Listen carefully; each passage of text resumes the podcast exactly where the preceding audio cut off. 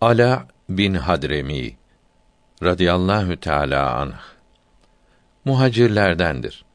Bahreyn'de Resulullah'ın sallallahu aleyhi ve sellem valisiydi. Ebu Hüreyre radıyallahu an şöyle anlatmıştır. Hiç kimsede görmediğim üç acayip hali Ala bin Hadremi'de radıyallahu an gördüm. Birincisi deniz sahiline gitmiştik. Bize Allahü Teala'nın ismini söyleyerek denize girin dedi. Biz de Allahü Teala'nın ismini söyleyerek denize girdik.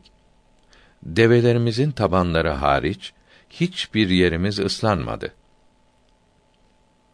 İkincisi denizden geçip sahraya ulaşınca çok susadık. Suyumuz da yoktu.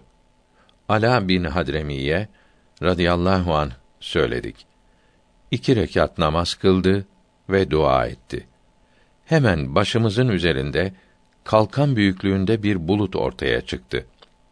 O buluttan o kadar yağmur yağdı ki herkes suya kandı ve kaplarını doldurdu.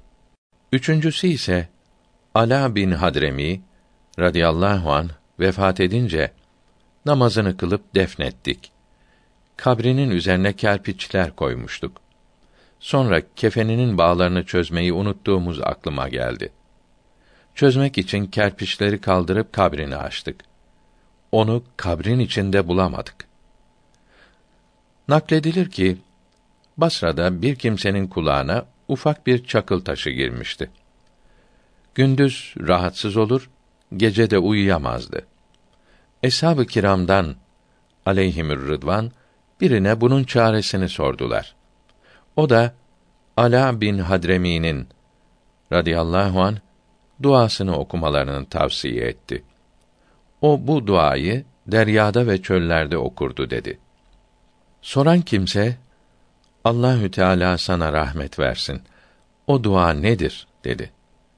O dua şöyledir buyurdu. Ya Ali, ya Azim, ya Halim, ya Alim.